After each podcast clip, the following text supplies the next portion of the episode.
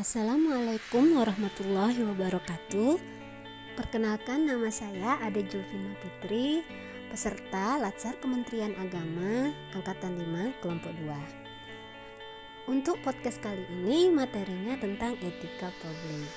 Kita mulai aja ya. Etika publik adalah pencerminan tentang norma yang menentukan benar atau salah, baik atau buruk perilaku, tindakan, dan keputusan dalam merumuskan kebijakan publik dengan tujuan menjalankan tanggung jawab sebagai pelayan publik.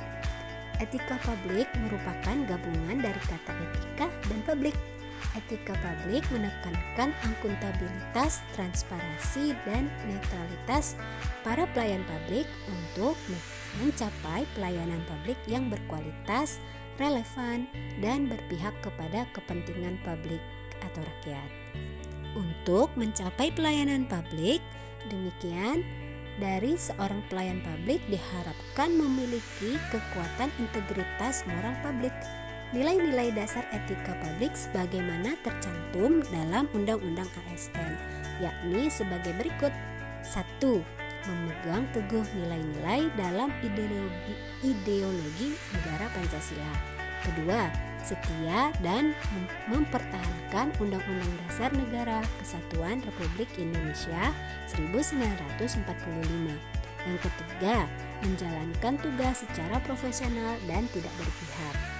Berdasarkan konsep etika dan pelayanan publik di atas, maka yang dimaksudkan dengan etika pelayanan publik adalah suatu praktek administrasi publik dan atau pemberian pelayanan publik delivery system yang didasarkan atas rangkaian tuntutan perilaku, rules of conduct, atau kode etik yang mengatur hal-hal yang baik dalam kaitannya dengan pelayanan publik, etika publik adalah refleksi tentang standar atau norma yang menentuk, yang menentukan baik atau buruk, benar atau salah perilaku, tindakan, dan keputusan untuk mengarahkan kebijakan publik dalam rangka menjalankan tanggung jawab pelayanan publik.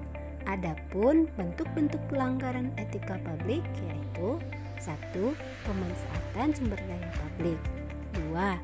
Absen sidik jari yang diselewengkan 3. Penerimaan tenaga honorer yang berdasarkan nepotisme 4. Pemberian hadiah atau cendramata 5. Konflik kepentingan dalam pengadaan 6.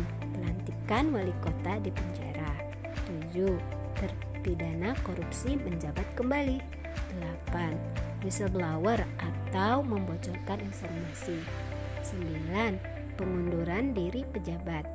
10. Melanggar hu melanggar hukum atau perbuatan yang melanggar hukum. 11. Perbuatan tercela. Yang ke-12 kebocoran ujian nasional. Jadi, penerapan etika publik sangat berkaitan erat dalam rangka pencapaian good governance ya yaitu salah satu permasalahan yang terjadi dalam penyelenggaraan pemerintahan yaitu masih adanya penyimpangan-penyimpangan yang dilakukan oleh para pelayan publik. Maka dari itu diperlukan adanya nilai-nilai etika yang menjadi pedoman dan harus dipegang teguh oleh para pelayan publik dalam rangka pencapaian good governance.